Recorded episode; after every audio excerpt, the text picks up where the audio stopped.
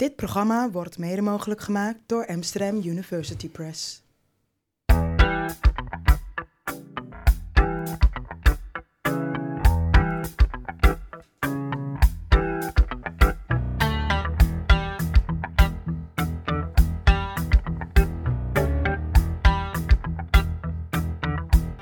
Vanuit Amsterdam is dit Onder Media Doctoren, de podcast waarin communicatiewetenschappers zich verwonderen over de media. Welkom bij aflevering 35 van Onder Media Doctoren. En vandaag gaan we het hebben over een onderwerp waar opvallend weinig onderzoek naar is gedaan. Namelijk biseksualiteit in de media. Er zijn ontzettend veel studies, onderzoeken geweest naar de representatie van uh, homoseksuele mannen, vrouwen, maar uh, heel erg weinig over biseksualiteit. En de laatste tijd zien we ook nog wel meer komen over transgenders, maar uh, de B uit LHBTQI is afwezig. Linda, waar staat LHBTQI voor? Staat voor lesbienne, homo, uh, biseksueel, de B uh, transgender mensen, queer en uh, intersex mensen. En, deze... en daar hoort dan officieel ja. ook nog een sterretje achter, zodat je het helemaal inclusief maakt. Nou, dit hele alfabet gaan we het niet over hebben. We gaan het hebben over de B en dat gaan we vandaag doen met Dr. Jaap Kooijman, UHD bij Mediastudies aan de UvA. En uiteraard, u hoorde er al, Linda Duits. Um, Jaap, wat is dat, biseksualiteit? Nou, dat gooi je meteen een uh, kast open. Want er zijn natuurlijk heel veel verschillende definities die je kunt geven. Maar zoals we in de, in de, in de volksmond gewoon hebben, is iemand die valt op zowel mannen als vrouwen. Uh, en daar al dan niet naar handelt. Hè? Dat hoeft niet. Maar het gaat om iemand die gevoelens heeft voor, voor, voor beide geslachten. En, en zijn er ook alternatieve definities dan daarvoor?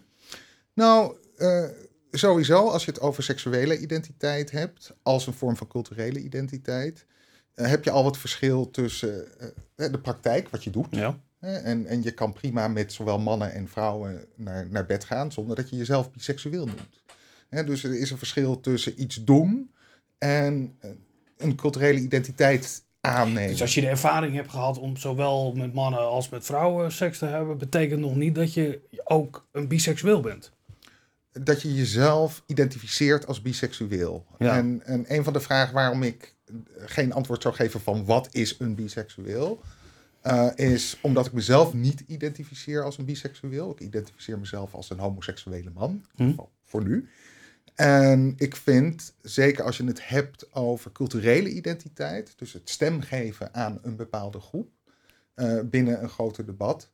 Uh, ik zou ook niet willen dat een heteroseksueel tegen mij gaat vertellen wat een homoseksueel is. Dus ik vind uh, de, de definiëring van wat die identiteit is aan de groep die die identiteit aanneemt. Is dat ook een verklaring waarom we die, die lange hè, LHBQTI, dat dat allemaal verschillende groepen zijn, Linda? Nou ja, het is natuurlijk, uh, vroeger had je het veel over holibies, uh, homo, lesbienne, hm. biseksueel. Um, dat is natuurlijk ook al geen eenduidige groep, wat ook lastig is. Hè? Uh, homoseksuele mannen lopen Ja. tegen andere problemen aan dan homoseksuele vrouwen. Uh, bij biseksuelen is daar weer een, uh, zit het nog weer anders. Biseksuelen worden soms ook gediscrimineerd binnen de homo- ofwel de lesbienne gemeenschap. Of de hetero. Of de hetero gemeenschap. Op een gegeven moment is daar de T bijgekomen voor transgender mensen. Nou, dat gaat eigenlijk, transgender gaat eigenlijk meer over gender dan over seksuele aantrekking. Ja. Of over seksuele oriëntatie. Uh, maar toch is dat bij elkaar gezet, omdat er toch ook wel hè, overeenkomsten zijn. Uh, nou ja, in de jaren negentig komt uh, queer heel erg op. Best wel een beetje vanuit de wetenschap is dat doorgecijpeld. dus die is er toen ook aangeplakt. Toen waren er ook nog mensen, ja, maar dan moeten we ook bij intersex inclusief en, en hoe, zijn. hoe onderscheidt queer zich dan van de groep Holibi? Uh, omdat queer ook niet zozeer gaat over een seksuele aantrekkingskracht die je hebt, uh, maar meer over uh, een soort misidentificatie met je biologisch gegeven geslacht. Zonder dat je daar nou per se iets aan wil doen. Dus zonder dat je transgender bent bijvoorbeeld. Maar dus hoe, hoe onderscheidt visie... dat zich van, van die andere categorieën die je noemde? Nou, dus... visie over homoseksualiteit, dat kunnen we ons bijna niet meer voorstellen. Maar is drastisch veranderd in 20 jaar. Ja. He, op, op heel veel verschillende vlakken. Maar ik bedoel, alleen al uh, het, het openstellen van het burgerlijk huwelijk voor, voor, voor homo's en lesbiennes is een ontzettende stap. Zichtbaarheid in de media, Will and Grace, alles. Het is allemaal binnen 20 jaar. Het is wel mooi trouwens met dat op, die openstelling van het huwelijk. Ehm eh, Hilde Vossen, waar we het straks over gaan hebben, waarmee Ja. ik sprak, eh, die geeft ook aan eh, dat dat altijd eh, toegeschreven wordt aan homo's en lesbiennes, die daar Ja. de voorvechtersrol in hebben gehad. Terwijl biseksuelen daar natuurlijk ook heel erg actief in zijn geweest. En dat onlangs in Ierland eh, ehm, eh, ging het over de openstelling van het huwelijk. Eh, en toen werd ook weer gezegd, ja, dit is een grote overwinning voor de homo-gemeenschap, een grote overwinning voor de lesbische gemeenschap. Als je dat Eh, vindt, hè, overigens. Maar Eh, dat is een ja, andere en- discussie. nou ja, en, en, eh, ehm, en biseksuelen worden daar dus eigenlijk ook weer eh uitgegumd. En het is heel interessant wat je zegt.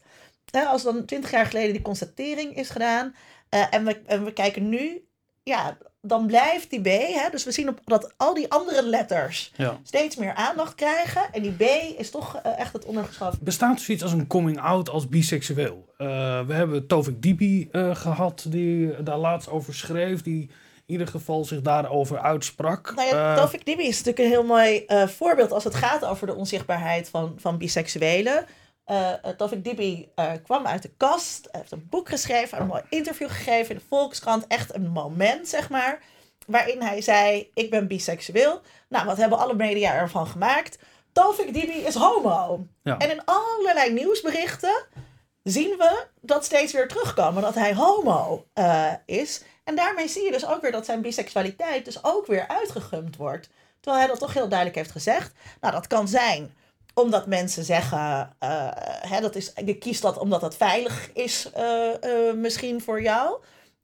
Maar terwijl zijn eigen identificatie, waar het toch over moet gaan, was heel duidelijk, ik ben biseksueel. En vervolgens gaan mensen daarmee aan de haal. Dan gingen ze sowieso altijd al met zijn seksualiteit aan de haal. Uh, maar door te zeggen, uh, door die bi dus uit te gummen en steeds weer in de krant te zetten, Tofik Dibi is homo. En dat, dat is dus heel Nou ja, erg voor je ziet- En, onzichtbaarheid. en om Ja, daaraan ja. toe te voegen, laten we niet vergeten, Gordon is ook biseksueel. Gordon, ja? Gordon is. eh, ja, Ja, sorry voor. Tovik Dibi, maar Ja. Gordon, de, de, die we natuurlijk zien als, als de ultieme relnicht, is meerdere keren letterlijk uit de kast gekomen, ondanks in dat hele interview waar ook zo'n drama over was, ja. Als biseksueel. Hij zegt, ik ben biseksueel, geen homo. Niemand die dat serieus neemt. Neemt Gordon, wordt sowieso niet heel erg serieus genomen en tegelijk, tegelijkertijd weer wel. Want ik bedoel, het is een heel belangrijk cultureel fenomeen, hoe je ook over hem denkt. Maar zijn biseksualiteit wordt niet serieus genomen. En dat geldt eigenlijk voor, voor heel veel openlijke biseksuelen. Hoe kan je, ehm, als je het heel praktisch zou, als iemand zou zeggen van, goh, ja, dat is ook logisch, want als Gordon een relatie met een man heeft, is dat een homoseksuele relatie. Dus zijn identiteit biseksueel telt dan helemaal niet.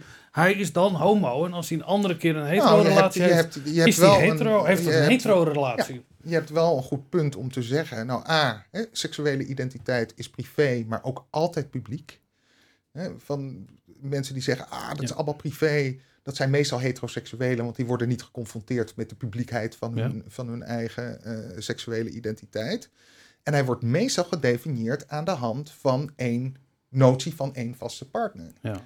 En, en vaak is het, de, is het de partner die het gezicht naar buiten is om te zeggen van hé, hey, ik, mijn partner is een man. Dus ja, dus men, terwijl eh, als mensen mijn partner niet kennen eh, of mij niet kennen, ik bedoel niet regelmatig, maar het gebeurt wel eens op een conferentie dat iemand aan mij vraagt van god, eh, komt je vriendin of je vrouw wel eens mee naar een conferentie? En dan moet ik ja, net het idee dat Ja. coming out één moment is. Nee, het is constant iets wat constant herhaalt. En op dat moment zeg je, nou nee, eh, eh, ze komt nooit mee. En als ze meekwam, dan zou het een hij zijn. Ja. Hè, En dat wordt als je biseksueel bent een stuk lastiger. Want je kan moeilijk zeggen, nou ja, dit is nu mijn vrouw. maar ehm, mijn volgende relatie kan ook een man zijn. Zo- jij had een eh, gesprek met Hilde Vossen. Wie is zij? Eh, zij is eh, coördinator van het Europese netwerk van biseksuelen. En ik sprak met haar over die eh, onzichtbaarheid. Took it to dog and the cautionary wife. While it was all going according to plan, then Billy Brown fell in love with another man.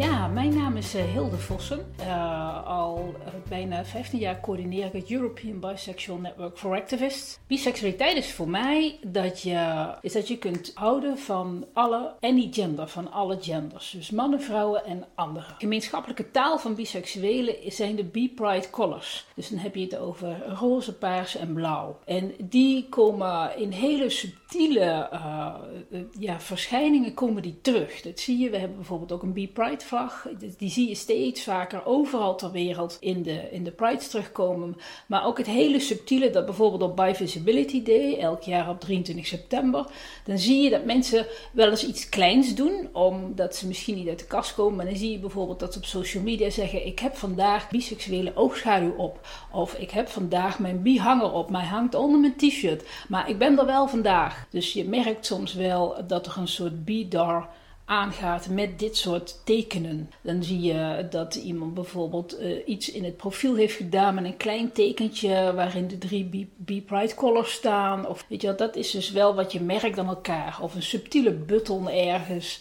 Uh, met visibility en dan het woord BI, hè, de letters BI springen er dan uit. Terwijl ik bij sommige mensen dat helemaal niet had verwacht, zo'n button. En denk ik, oh leuk, weet je wel, nou dat vind ik dan, krijg ik dan echt wel cadeau. Als we het dan hebben over zichtbaarheid van biseksuelen, want ja, ik zei net natuurlijk wel dat ik het wel zie, maar het kan best zijn dat een hele hoop andere mensen dat helemaal niet zien. En ik moet zeggen, dan hebben ze uh, vaak wel gelijk. Uh, want mensen die zelf biseksueel zijn, komen er lang niet altijd voor uit. Je ziet ook uh, uit onderzoeken blijkt dat uh, 70% op het werk komt er niet voor uit. Da daar kan je het al vaak niet, niet aan zien. En dan mis je toch iets van arbeidspotentieel als je dat niet mag zijn. Of uh, als je het dan hebt over zichtbaarheid van biseksuelen. en je hebt een karakter in een film of op een in een televisieserie. Of een, zoals Claudia een, een, een, een mooie theatermaker. Uh, geef, ja, geef die mensen dan hun identiteit mee die ze al zelf benoemd hebben. Of geef zo'n uh, zo'n mooi mannelijk karakter of een mooi vrouwelijk karakter. Laat ze zeggen dat ze bi zijn zonder ze meteen te bestempelen tot iets tot promiscu of onzeker of weet je wel zo. Maak dat als gewoon een op zichzelf staande identiteit. Ik merk dan vaak dat mensen of uh, biseksuele mensen in de media verhomoseksualiseren.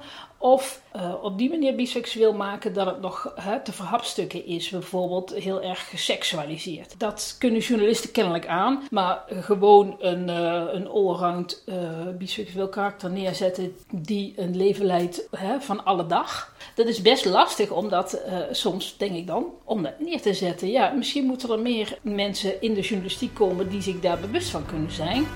om die diversiteit in hun pennetje aan te kunnen.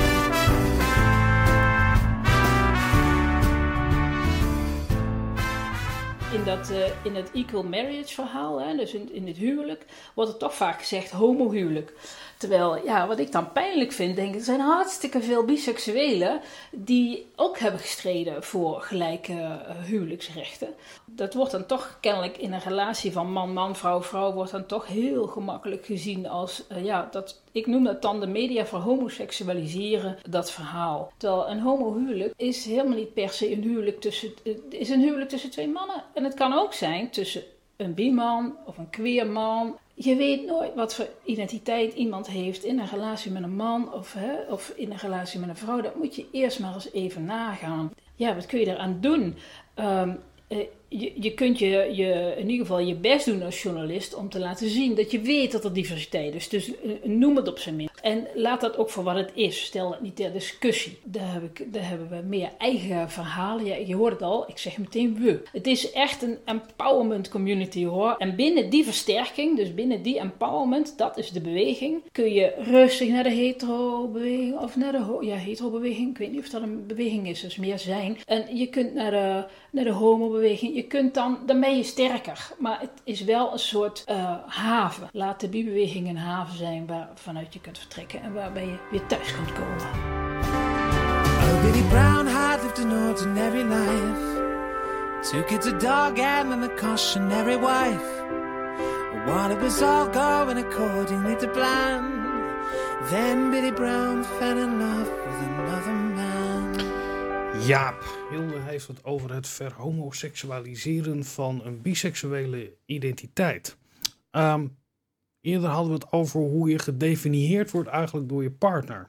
Hoe werkt dat Ja, ik, biseksuelen dan? Nou, eh, ik, ik weet niet zeker of, of dat ermee bedoeld werd in dit interview, maar ik moest.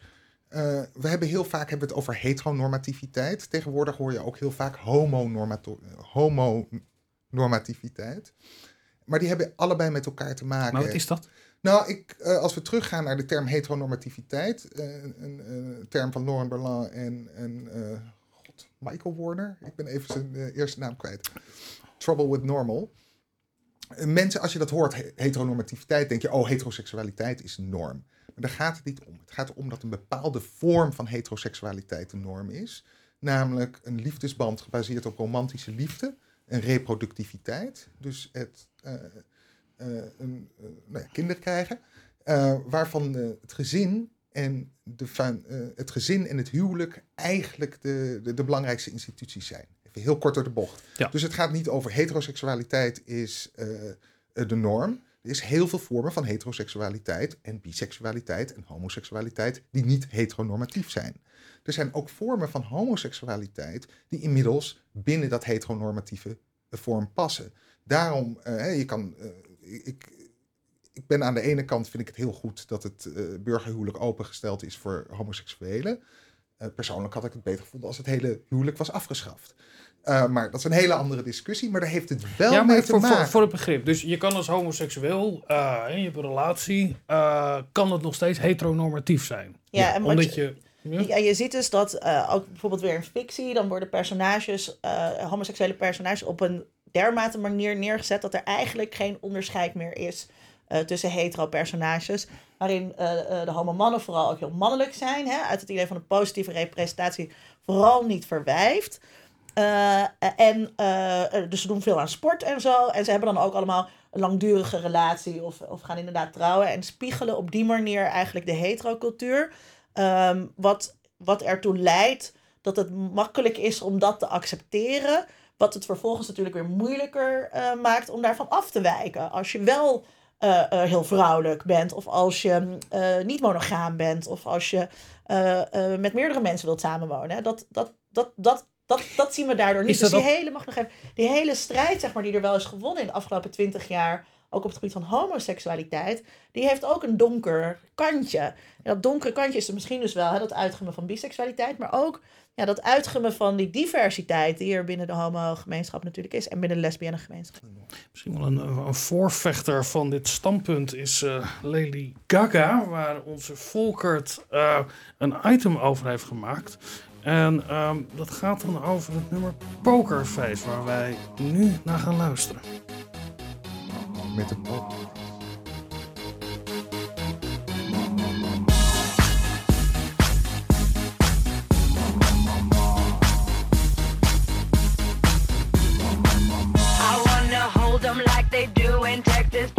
In verschillende nummers in de popmuziek wordt over biseksualiteit gezongen.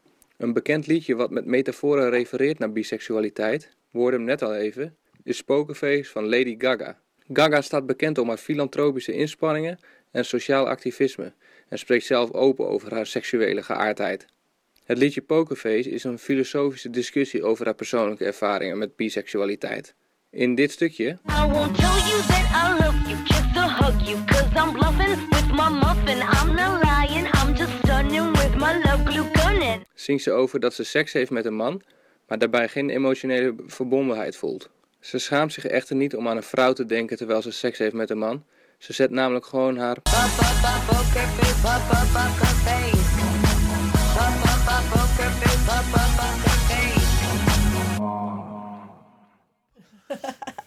Dankjewel, Volkert. Ehm, we gaan dit langzaam proberen we altijd naar een soort afronding te komen. Van, want we benoemen wel aan de ene kant begonnen we met de onzichtbaarheid van biseksualiteit. Aan de andere kant hebben we toch heel wat voorbeelden ook gezien, zowel uit de fictie als non-fictie, waarin wel over biseksualiteit wordt gesproken. Jaap, zit er een, eh, een, een, heb je goede hoop? Gaat het de goede kant op eigenlijk zoals je ook Nou, dat zijn Schetste- heel de vragen. Maar ik, ik, wat, om terug te komen bij dat boek van Marjorie Garber. Hè, wat, wat, ik, eh, wat je echt een omgevallen boekenkast in de positieve zin kan eh, zien, is wat zij zegt: eh, bisexuality and the eroticism of everyday life het biseksualiteit is, nou ja, overal is misschien te zwaar aangetikt, Hm. maar is op heel veel verschillende plekken. Vaak noemen we het of een fase, of we noemen het homoseksualiteit, of, maar het zit op veel meer plekken dan we denken. En niet om daarvoor te waarschuwen van kijk uit voor het gevaar, maar dat het een onderdeel is, is van eh, eigenlijk van het menselijk leven. En ik, je zou, als je het hebt van oké, we hebben een culturele identiteit. Je bent niet alleen wat je doet, of je bent ook wat je doet. Ehm, nogmaals, ik identificeer mezelf niet als biseksueel, dus ik vind het lastig om te zeggen wat biseksualiteit zou moeten zijn. Ehm, maar we zouden het ook kunnen zien als, als iets wat juist niet gevangen wil worden in dat eh, strategisch essentialisme.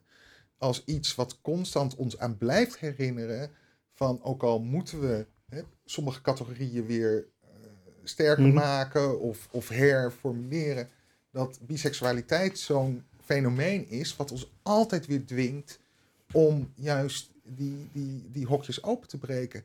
En eigenlijk fungeert het dan op eenzelfde manier zoals queer als een identiteit of een non-identiteit eh, ook heeft gefungeerd. Linda, ik hoor wel eens, eh, hè, we hebben, iedereen zit ergens op de schaal tussen homo en hetero. Niemand is 100% homo, niemand is 100% hetero. Dus eigenlijk zijn we allemaal een klein beetje biseksueel. Ja, maar dat is toch wel eh, echt iets anders. Ehm, ik wil even aanhaken op wat, ehm, eh, wat Jaap zei. Ehm, biseksualiteit is ouderwets, heb ik laatst een lezing gehouden eh, die ik zo genoemd had. En eh, je ziet dat er, hè, er zijn allerlei hippe termen eh, die nu in omloop zijn. En dan gaat het vaak over panseksualiteit. Eh, ehm, of over seksueel fluïde zijn.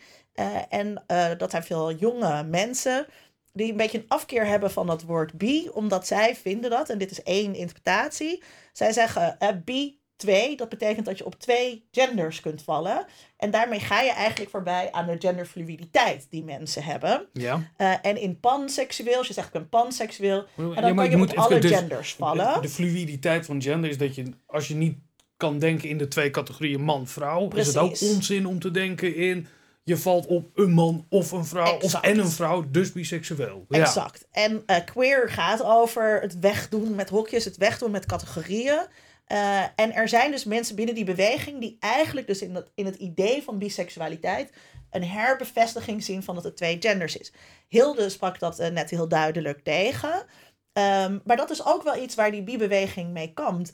En eh, wat je natuurlijk ziet, dat eh, identiteitspolitiek is heel erg nodig geweest voor de homobeweging. Ook voor de vrouwenbeweging bijvoorbeeld. Hè. Je moet je eerst op basis van een collectieve identiteit De organiseren. Precies, om, eh, eh, om rechten te krijgen. En vervolgens kan je dat gaan problematiseren. kan je zeggen, ja, maar wij zijn niet allemaal hetzelfde. Zo collectief eh, zijn we Is niet. het strategisch essentialisme. Dat is dat dat. En ik denk dat eh, ehm, eh, binnen de biseksuele beweging. Eh, dat het nog inderdaad heel erg over die rechten eh, gaat. Wat dus heel erg belangrijk is, omdat die miskenning er ook is. Eh, maar vervolgens zie je dus dat ja, onder jonge mensen, onder, onder dat hippe ge- gebeuren, hè, ook een beetje Lady Gaga, al zegt hij wel duidelijk bi, maar ook in allerlei andere series die we nu zien. Er zijn heel veel nieuwe series te zien. eh Sense8 bijvoorbeeld, Orange is the New Black, Transparent, waarin eigenlijk allerlei ja, transgressieve seksualiteiten te zien zijn. seksualiteiten die buiten de norm vallen. En daar zit biseksualiteit dus helemaal niet in. Dus je hebt wel een queer karakter. eh, of eh, mensen die het dus wel eh, met beide of met meerdere genders eh, eh, doen. Maar die zichzelf niet als bi identificeren. Dus die hippige series, die dus zo mooi met die seksualiteit omgaan. Ook die gunnen biseksualiteit eh, weer een beetje uit. Eh, we hebben gesproken over de al dan niet zichtbaarheid van biseksuelen in de media. Ehm, ik ga je vragen om een voorspelling te doen. We zijn ermee begonnen dat jij zei, ik heb een boek en eigenlijk zie ik het nog niet heel veel beter geworden. We hebben de problemen geschetst. Nou, eh, beter geworden. Dan zeg je, eh, ik bedoel, dat, dat er progressie is en dat we de goede kant. Ik bedoel, er zitten altijd twee kanten aan de medaille. Ehm, ik vind het moeilijk te zeggen om, eh, het gaat zeker die kant op. Wat Linda al aan heeft gehaald, de gendervloeibaarheid. Ehm, ik denk dat, dat bepaalde vorm van identiteitspolitiek ook niet meer van deze tijd is. Ook niet meer van de, van de komende generaties is. Ehm, kijk, biseksualiteit als zowel praktijk en als identiteit voor mensen zal ja, altijd blijven bestaan, maar zal zeker, eh, zal zeker blijven staan. Of het altijd zo benoemd zal worden, is eh, nog maar de vraag. En die panseksualiteit is natuurlijk wel één eh, een goede optie voor een, voor een nieuwe 21ste eeuwse versie. Ik ben het daarmee eens. Ben je het daar helemaal mee Ja. eens? Hartstikke mooi. U kijkt of luistert naar Onder Media en u kunt zich op onze podcast abonneren. In het archief vindt u 34 prachtige afleveringen, waaronder ook over homoseksualiteit. Kijk daarvoor op ondermediadoren.nl. Tot een volgende keer. Onder Mediadoktoren is een podcast van Vincent Kronen en Linda Duits. Meer informatie vindt u op ondermediadoktoren.nl.